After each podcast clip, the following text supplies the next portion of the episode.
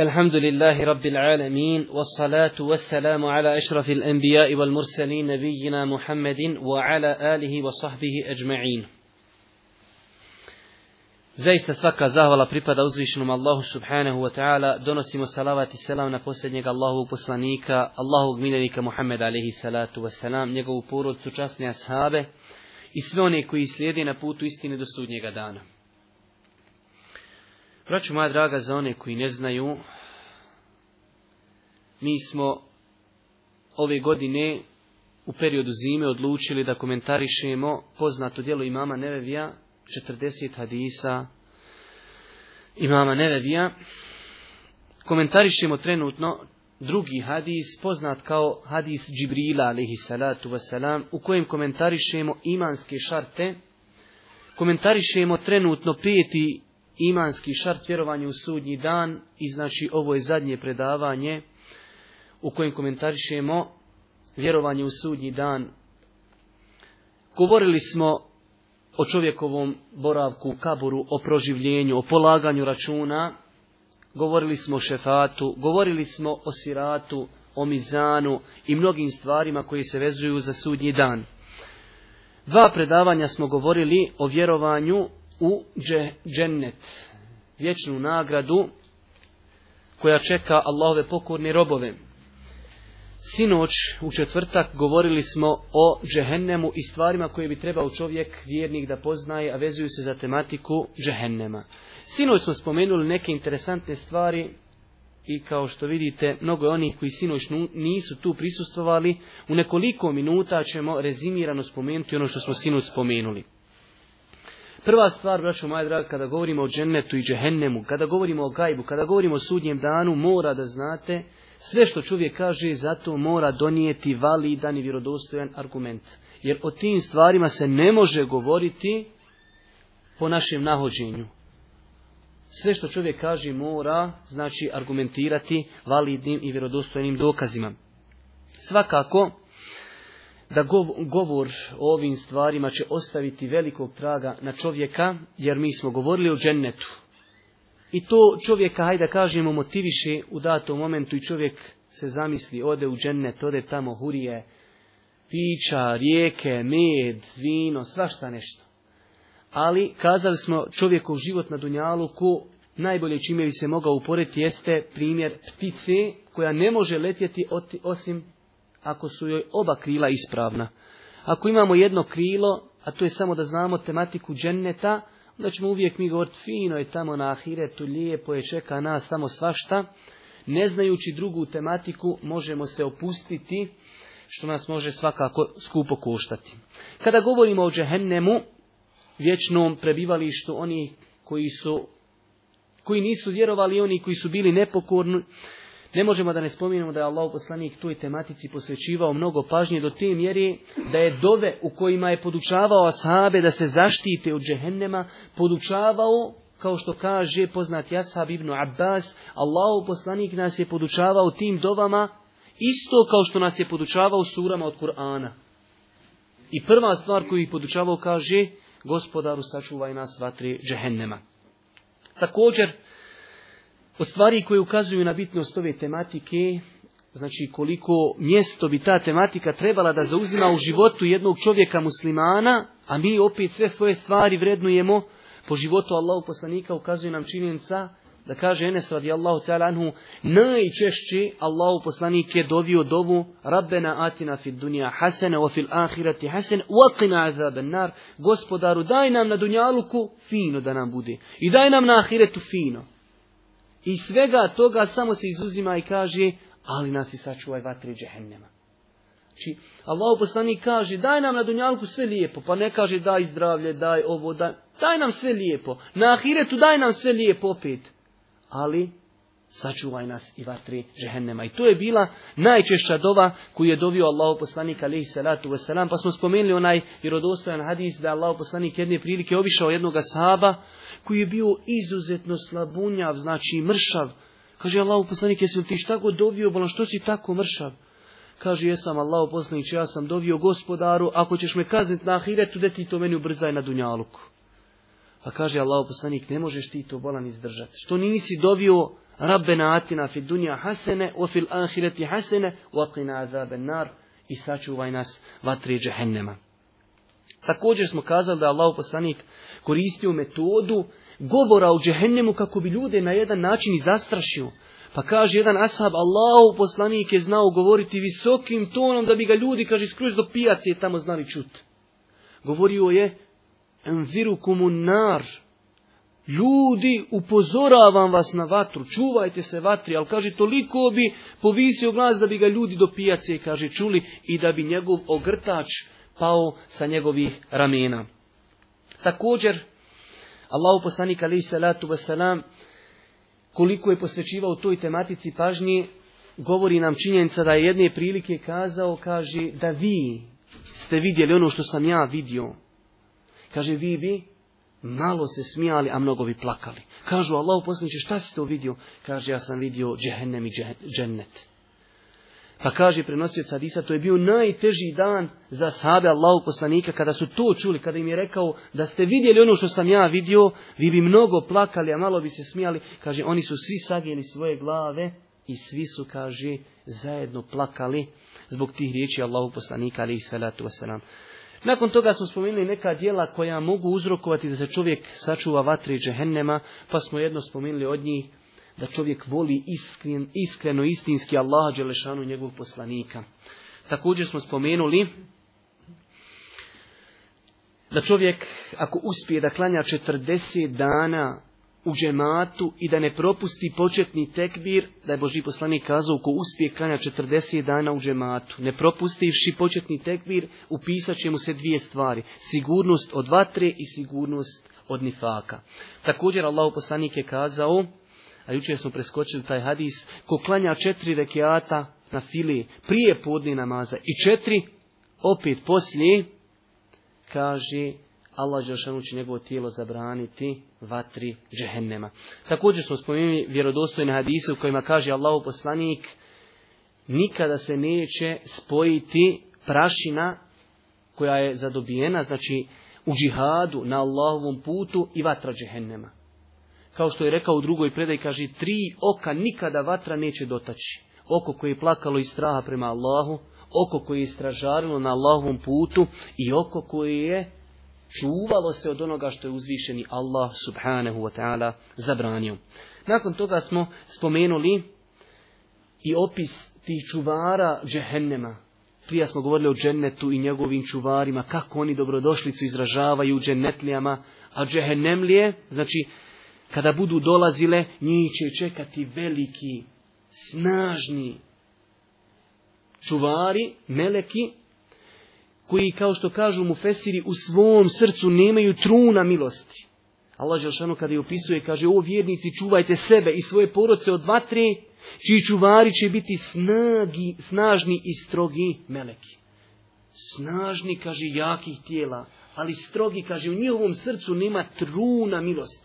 Gledaju kako ljudi gori Kaže, kada Malika, Malike, čuvar džehennema. Njega kao što stoji tamo u ajetima, dozivaći ga džehennemlije. O Malik, Malik, traži od gospodara svog da nam ovo malo lakša.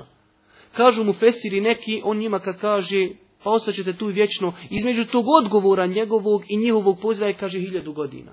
Oni ga zovu, on hiljadu godina gleda u njih, oni pate se, gori, njemu svejedno. Znači, to su meleki koji čuvaju džehennem.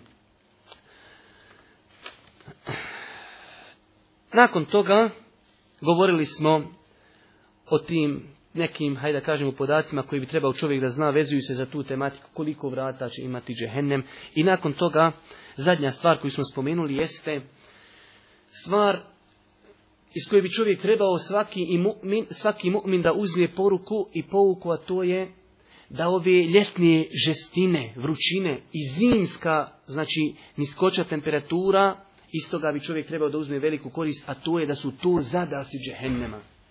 Jer postoji vjerodostojan hadis da je se džehennem požalio gospodaru Allahu subhanu wa ta'ala i kaže gospodaru ekele ba'du i ba'da. Toliko je u džehennemu vruće da je džehennem kazao gospodaru Moji dijelovi sami mene su počeli jesti. Znači, džehennem sam sebe jede, toliko u njemu je temperatura žestoka. Kaže, pa je Allah Đelšanu džehennemu dozvolio dva puta da uzdahne u toku godine. Jednom ljeti, jednom zimi. Kaže Allah poslanik, onaj ljetni zada džehennemski, e to je ono, kaže, najveća temperatura ljeti kad je osjetite. To je zada džehennema. A kaže, onaj zimski zada, to je, kaže, ona najveća smrzl i zima koju vi osjetite zimus. Tu su riječi Allahog poslanika alaih salatu wasalam koji je kazao kada nastupe velike vrućine odgodite klanjanje podne namaza jer je zaista vrućina koju vi osjetite, tu je, kaže, zada džehennema. Od opisa džehennema, braćo moja draga, koji bi čovjek trebao da poznaje sve kako bi ojačao svoj iman i kako bi se što bolje pripremao za dan polaganja računa na sudnjem danu, jeste i to da je džehennem toliko dubok, da kada bi se kamin sa vrha džehennema bacio, padao bi do dna 70 godina. Jedne prilike su ashabi sjedli sa Allahovim poslanikom, alaihi wasalam, pa su začuli neki tup udarac. Kaže Allahov poslanik, znate li vi šta je ono? Kažu Allah poslaniče ne znamo. Kaže tu je kamen koji je udario od dno džehennema, a bačen je, kaže, sa vrha džehennema prije 70 godina. Toliko je džehennem dubok. Zato kaže poznati islamski Gazija, muđahid, Ashab, znači Utve ibn Gazvan, jedne prilike kada je držao hudbu, kaže mi smo obavješteni, znači u strani Allahog poslanika, da je džehennem toliko dubok da kada bi se kamen bacio sa vrha do dna, putovao bi 70 godina. Ali kaže on, vallahi, napunit će se. Napunit, toliko dubok, ali će se napunit. A u tom istom hadisu je spomenuo, kaže, širina džennetskih vrata je 40 godina putovanja. Ali kaže, rekao nam je Allah poslanik, doće dan kada će biti na tim vratima gužva toliko velika vrata, 40 godina putovanja. Ali kaže, doće dan kada će ta vrata biti začepljena gužvom. Tolika će biti velika gužva. Ovo kada govorimo o džehennemu, da će i džehennem biti napunjen, imaju vjerodostojne predaje da će Allah Đelšanu bacat, znači da će ljudi biti bačeni u džehennem, a džehennem, kaže, neprestano govori, hel mi mezid, hel mi me... ima li još, samo da, ima li još, ima li još. Kaže, neće se napuniti sve dok Allah Đelešanu svojom stopalom, svojim nogom, svojom nogom ne pritisne džehennem, pa on kaže, će se skupiti i reći, dosta je. E sad sam pun, sad je dosta. A džennet, kaže, punit će džennet, punit će džennet, pa kada uđu svi ljudi u džennet, a još prostora ima, kaže, Allah će stvoriti ljude i uvešći u džennet. Pogledajte, za džehennem neće nikoga stvoriti ko nije zgriješio. Ali u džennet, evo, stvorit ćemo ljude, neki idu u džennet nisu ništa zna, ali za džehennem nikome nepravda znači neće biti nanešena. Onaj koji je zaslužio u džehennem. Što se tiče džehennema i podataka o džehennemu, koji bi trebao da poznaje svaki vjernik, jeste da je to jedno od velikih Allahovih stvorenja. Jer rekli smo prvu stvar koju smo govorili kad smo govorili o džennetu, da je stav ehli sunneta vol džemata, da je džennet i džehennem, da su to Allahova stvorenja i sada već prisutna. I tu je stav ehli sunneta da džennet i džehennem već sada postoji, da su stvoreni i to smo mi argumentirali sa mnogim dokazima. Ali je interesantno spomenuti neke dokaze koji ukazuju koliko je tu veliko stvorenje Allahovo. Pa jedan od Isa koji smo mi također spomenuli kada smo govorili o melekima, da kaže Allah poslanik, na sudnjem danu će dovući džehennem, dovući ga. A kaže, vozit će ga za 70.000 povodaca.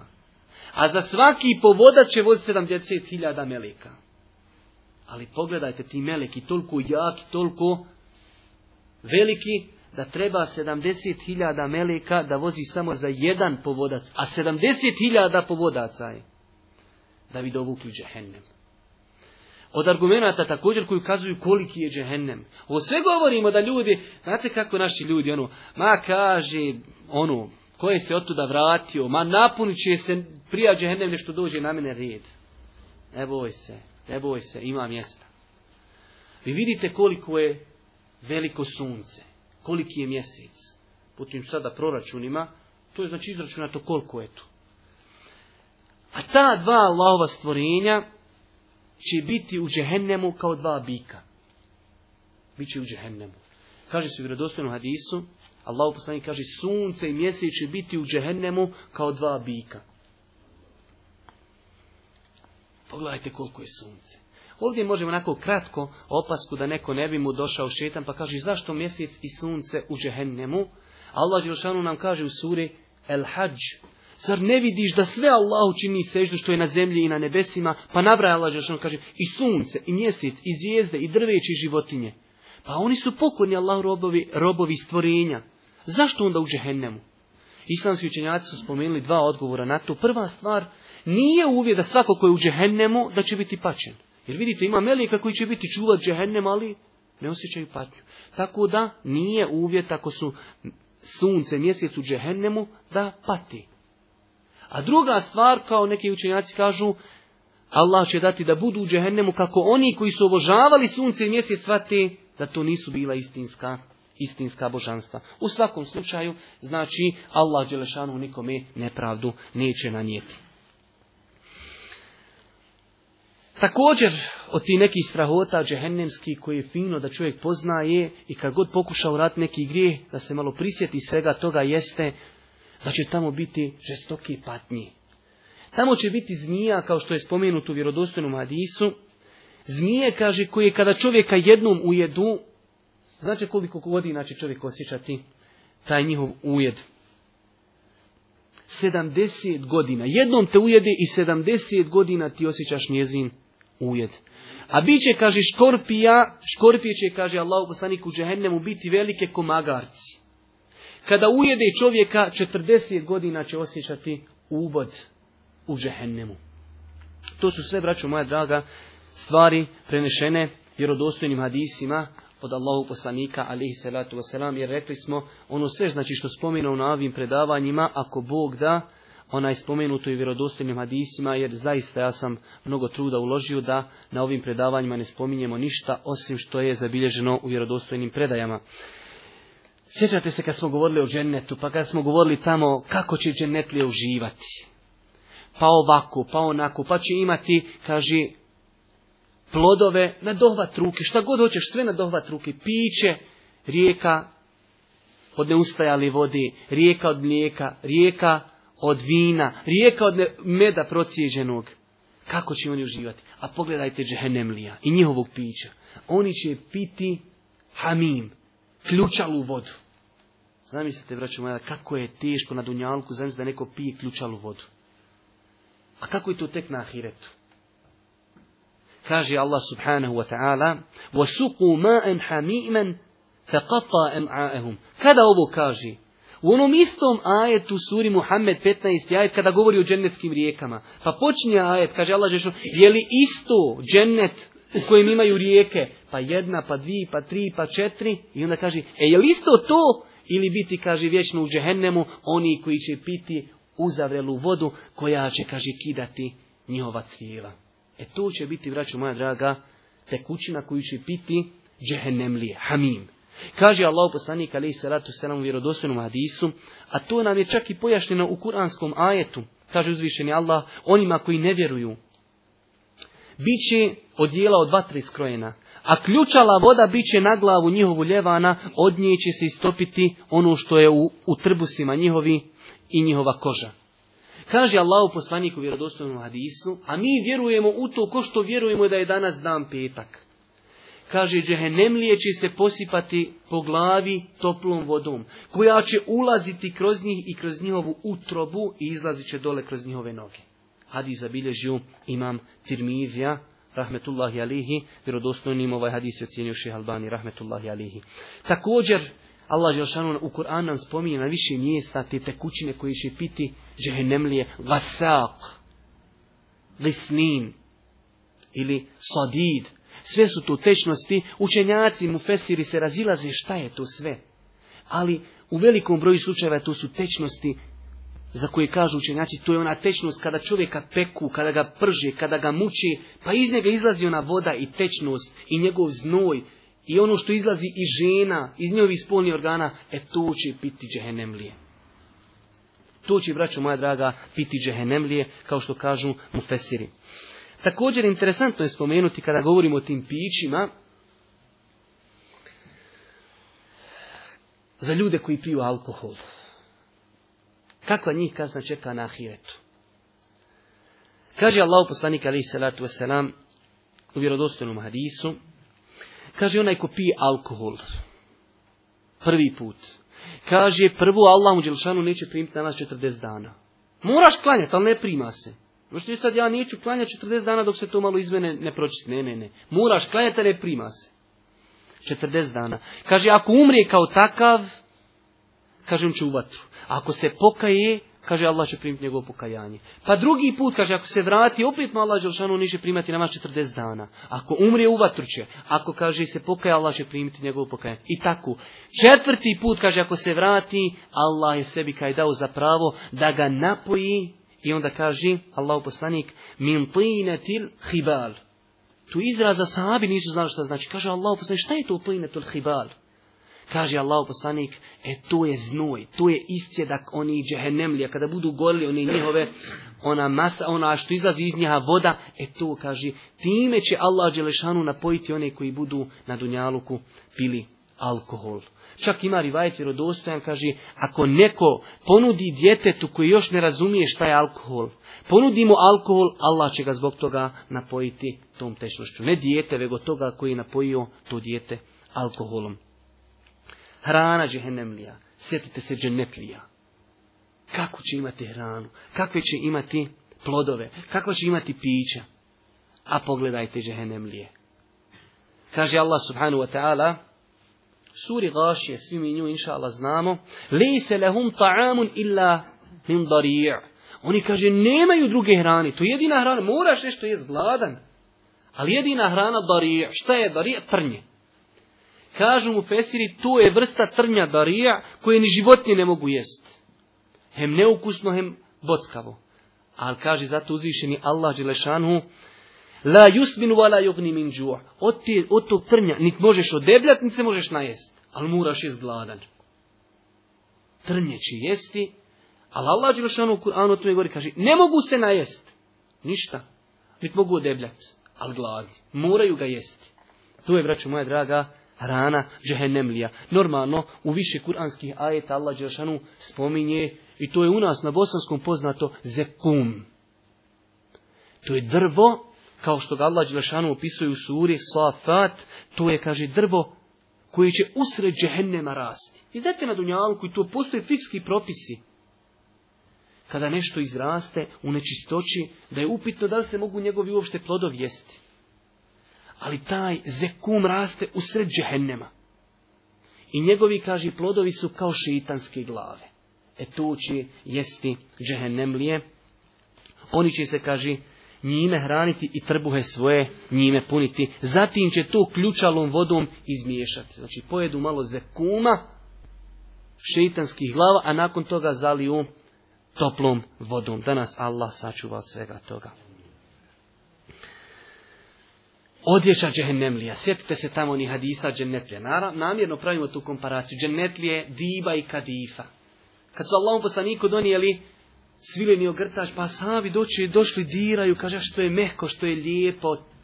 Kaže Allah poslanik, maramica sad ibn Mu'aza u, u džennetu je ljepša, kaže i mekša od te sad što vi dirate. znači je u dibi i kadif, a je u košuljama od katrena. Vi znate kako katren prži. Može li šta gore biti? E njihove košulje će biti od katrena kao što je spomenuto u kuranskom ajetu u suri Ibrahim. Čak nam je Allah poslanik spomenuo neke grijehe koji čovjek ako bude činio na, dunja, na, na na ahiretu će biti kažnjen time da će imati košulju od katrena.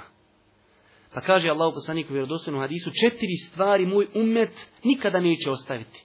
Povlačit će ih od predislamskog duga, od džahilijeta. Kaže prva stvar, fahru bil ahsab. Ljudi će se, kaže, uvijek hvaliti svojim onaj ugledom.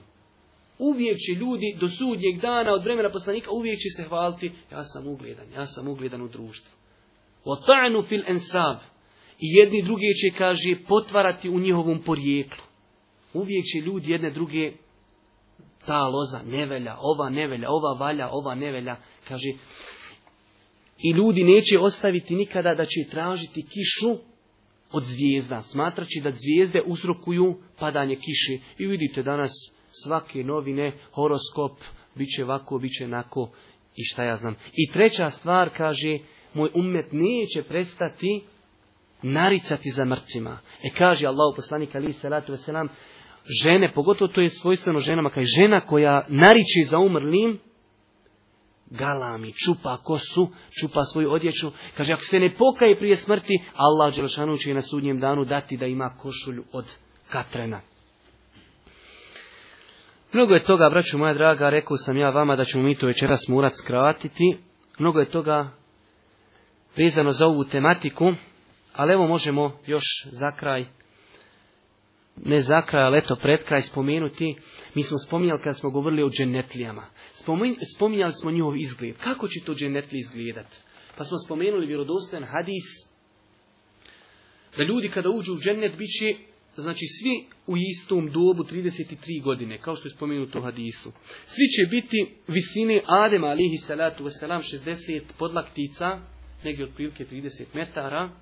Biće ljepote Jusufa alihi salam, a Jusuf alihi salam, kao što je došlo u vjerodostojnom hadisu, dobio je pola ljepote.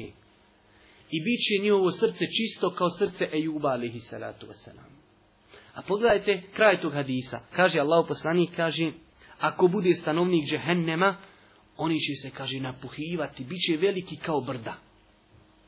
Zato Allah će dati da stanovnici džehennema budu veliki kako bi što više patnji iskusili. U vjerodostojnom hadisu kaže Allah poslanik alaihi salatu wasalam, samo zub, kutnjak stanovnika džehennema je ko brdo uhud. A oni koji nisu vidjeli brdo uhud, eto mogu pogledat grmeći, to je to otprilike. Toliki će njegov kutnjak biti. Kaže, razdaljina između plečki. Vidite koliko u čovjeka, znači razdaljina između plečki je 15, 20 cenata, 10. Kaže, razdaljina između plečki stanovnika jednog džehennema je tri dana i to kaže brzo putovanja. A kaže, njihove kože će biti izuzetno debele i znači postoji različite predaje o debljini njihovih koža. Ali u nekim predajama kaže će koža džehennemlija biti tako debele tri dana putovanja. A zašto baš kože, braćo madra? Kaže uzvišen Allah Đelešanu u suri. U suri En-Nisa kaže inna ladine kefaru bi ayatina sawfa nuslihim nara. Oni koji nisu vjerovali, kaže mi ćemo i sigurno u džehennem ubaciti. Kullena nadiđat džuluduhum beddelnahum džuluden gajraha lijezuku l'azab kada god im, kaže, njihove kože izgori, šta će biti?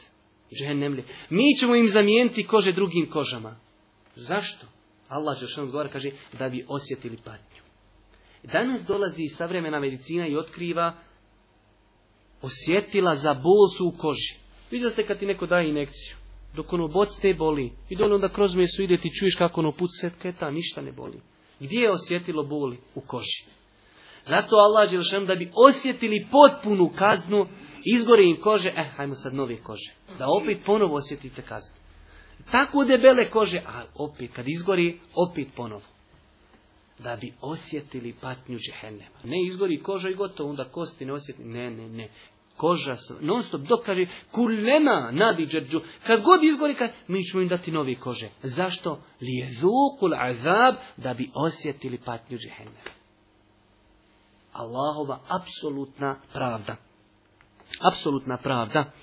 I e, zato ćemo doći do onog momenta, onaj, šta bi džehennemlije dale da iziđu iz džehennema? I razgovor Allah Đelešanuhu sa onima koji su u džehennemu i to na najslabijem stepenu džehennema, znači najblaže kazna džehennema. Kaže uzvišenje Allah će reći osobi koja se najblažije kažnjava u džehennemu. Šta bi, kaže, dao da iziđeš iz džehennema? Dao bi, kaže, cijelu zemaljsku kuglu. Kaže Allah Đeršanu, pa traženo je Boga od tebe manje. Sam je traženo da ne činiš širk. Sam je to od tebe traženo. Ali kaže, ti si odbio pa si činio širk. A zato kaže Allah u kuranskom ajetu Inna alladhina kafaru law anna lahum ma fil ardi jami'an wa mithluhu ma'ahu kaže, oni koji ne vjeruju na sudnjem dan, kaže, kad bi imali sve što je na zemlji, i još, kaže, jednom toliko, sve bi to dal, kaže, da se iskupi. Ne samo čitav planet, sam se sad kukaj vrijednost zemaljske kugli u našim tim dunjalučkim, znači, proračunima. E, kaže, jedan vjeruju, samo jedan, na sudnjem danu, on bi dao sve na zemaljskoj kugli i kaže, još jednom toliko, samo da se iskupi. Ali, ne pomaži. Čak Allah Đelešanu i sramoti pa govori i kaže, poslušajte ovaj kuranski ajet, Nevjernik bi jedva čekao da se od patnje tog dana iskupi sinovima svojim, i ženom svojom, i bratom svojim, i porodicom svojim, i svim ostalim na zemlji. Kazna, ma evo sin. Vidite, u nas sjećate se vi kad dođi pa bilo po ratu, hoće ubit četnici, neka nemojte dijete de mene. Toga je bilo koliko hoćeš. Nemojte dijete de mene. Tamo nema toga. Jer svako zna na Dunjaluku ima razno raznih opcija i razno raznih ispita. Propadneš u drugom razredu, nema veze, ponoviš ga pa opet sljedeći godine u treći. Ali na Ahiretu nema. Zato kaže, on bi dao sve da se iskupi. I dijete, i ženu, i brata. I kaže rodbinu. I na kraju da, ma svu bi zemlju dao, sve bi dao, sam da se on spasi. Ali nema. Ne troši se tu, tada ne prihvata se.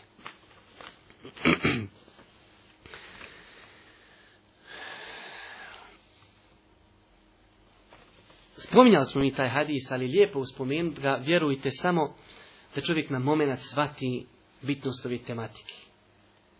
I zašto se tome tolika pažnja posvećuje u Kur'anu, džennetu i džehennemu. hadis kod imama muslima, kaže, dovešće čovjeka na, na sudnjem danu koji je najviše uživao na Dunjalku. Naj, znači, zamislite sad kraljeve, te careve, ne znam, a on šta god zaželi ima, šta god hoće. Ali, kaže, zaslužio džehennem. Pa će ga uzeti, kaže, i sam će ga uvesti u džehennem i izvući iz džehennem. Samo momena, top i nazad. Kažu mu, jesi li Boži robe ikad išta doživio lijepo? Kaže, gospodaru, nikad ništa ja lijepo nisam doživio.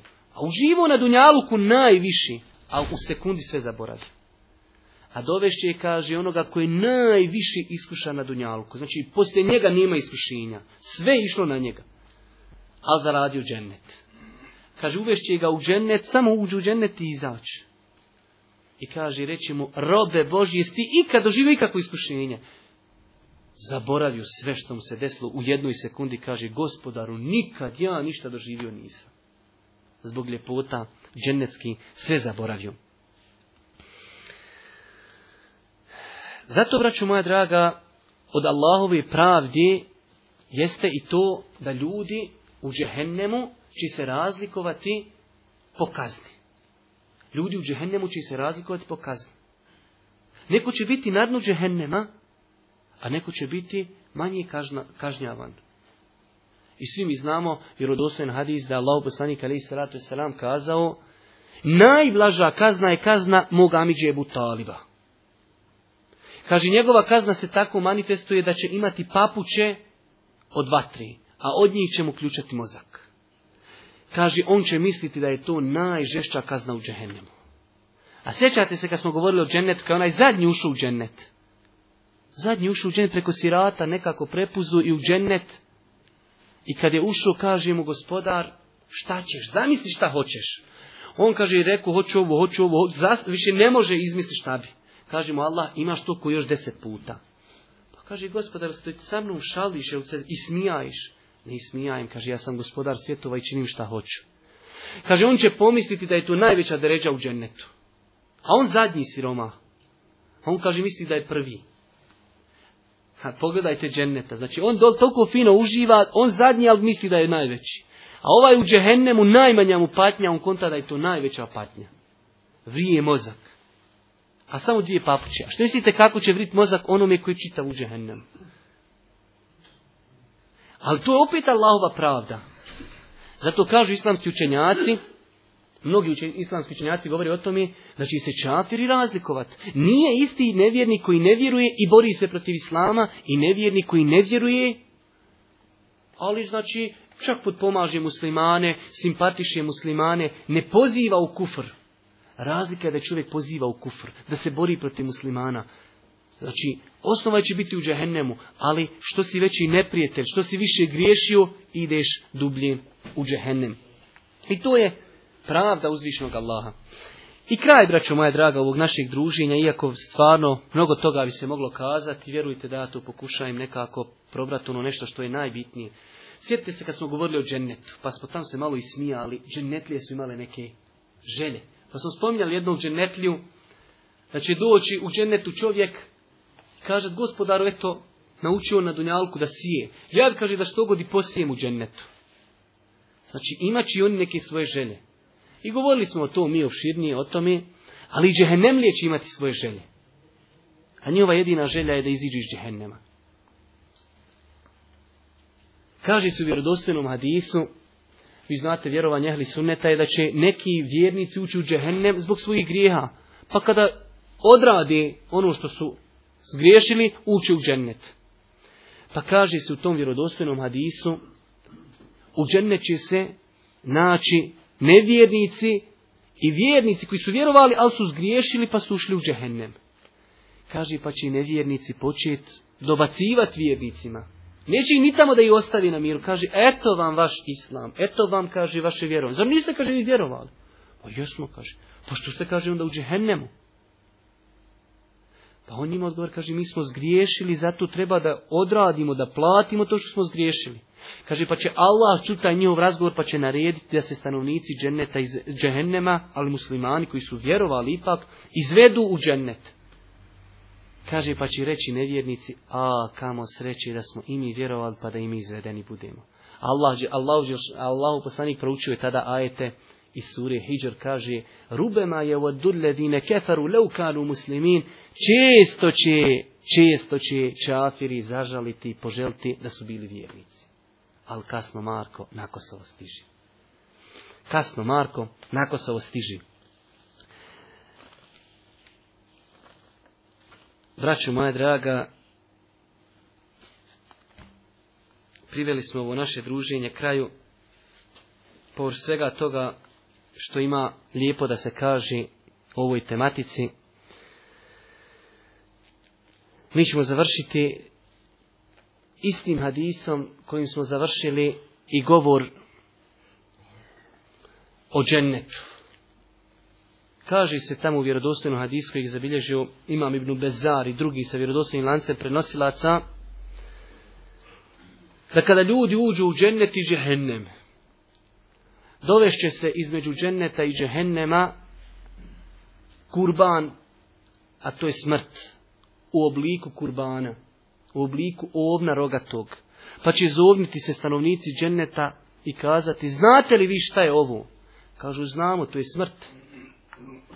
Pa će zovniti stanovnike džehennema, pa će kazati, znate li vi šta je ovo? Kažu, znamo. Šta je? Kaže, to je smrt. Pa će, kaže, taj kurban biti zatlan, kao što vi na dunjalku koljete kurbane. Kaže, pa će stanovnici dženneta shvatiti da je nakon toga vječnost. Jer smrt je zaklana, znači nema više smrti. I shvatit će da će ostati u džennetu vječno. A stanovnici kaže džehennema i oni će shvatiti da će tu ostati vječno. Da nema više mogućnosti da se spase iz džehennema. Molimo Allah Đelešanu na kraju ovog druženja da ono što smo čuli bude korisno za nas. Molimo ga subhanahu wa ta'ala da nas sačuva vatre džehennema da nas počasti svojom vječnom nagradom, džennetom, da nam bude milostiv na sudnjem danu i na kraju subhaneke Allahume ve bihamdike ashhadu an la ilaha illa ente stavfiruke wa etubu ilik.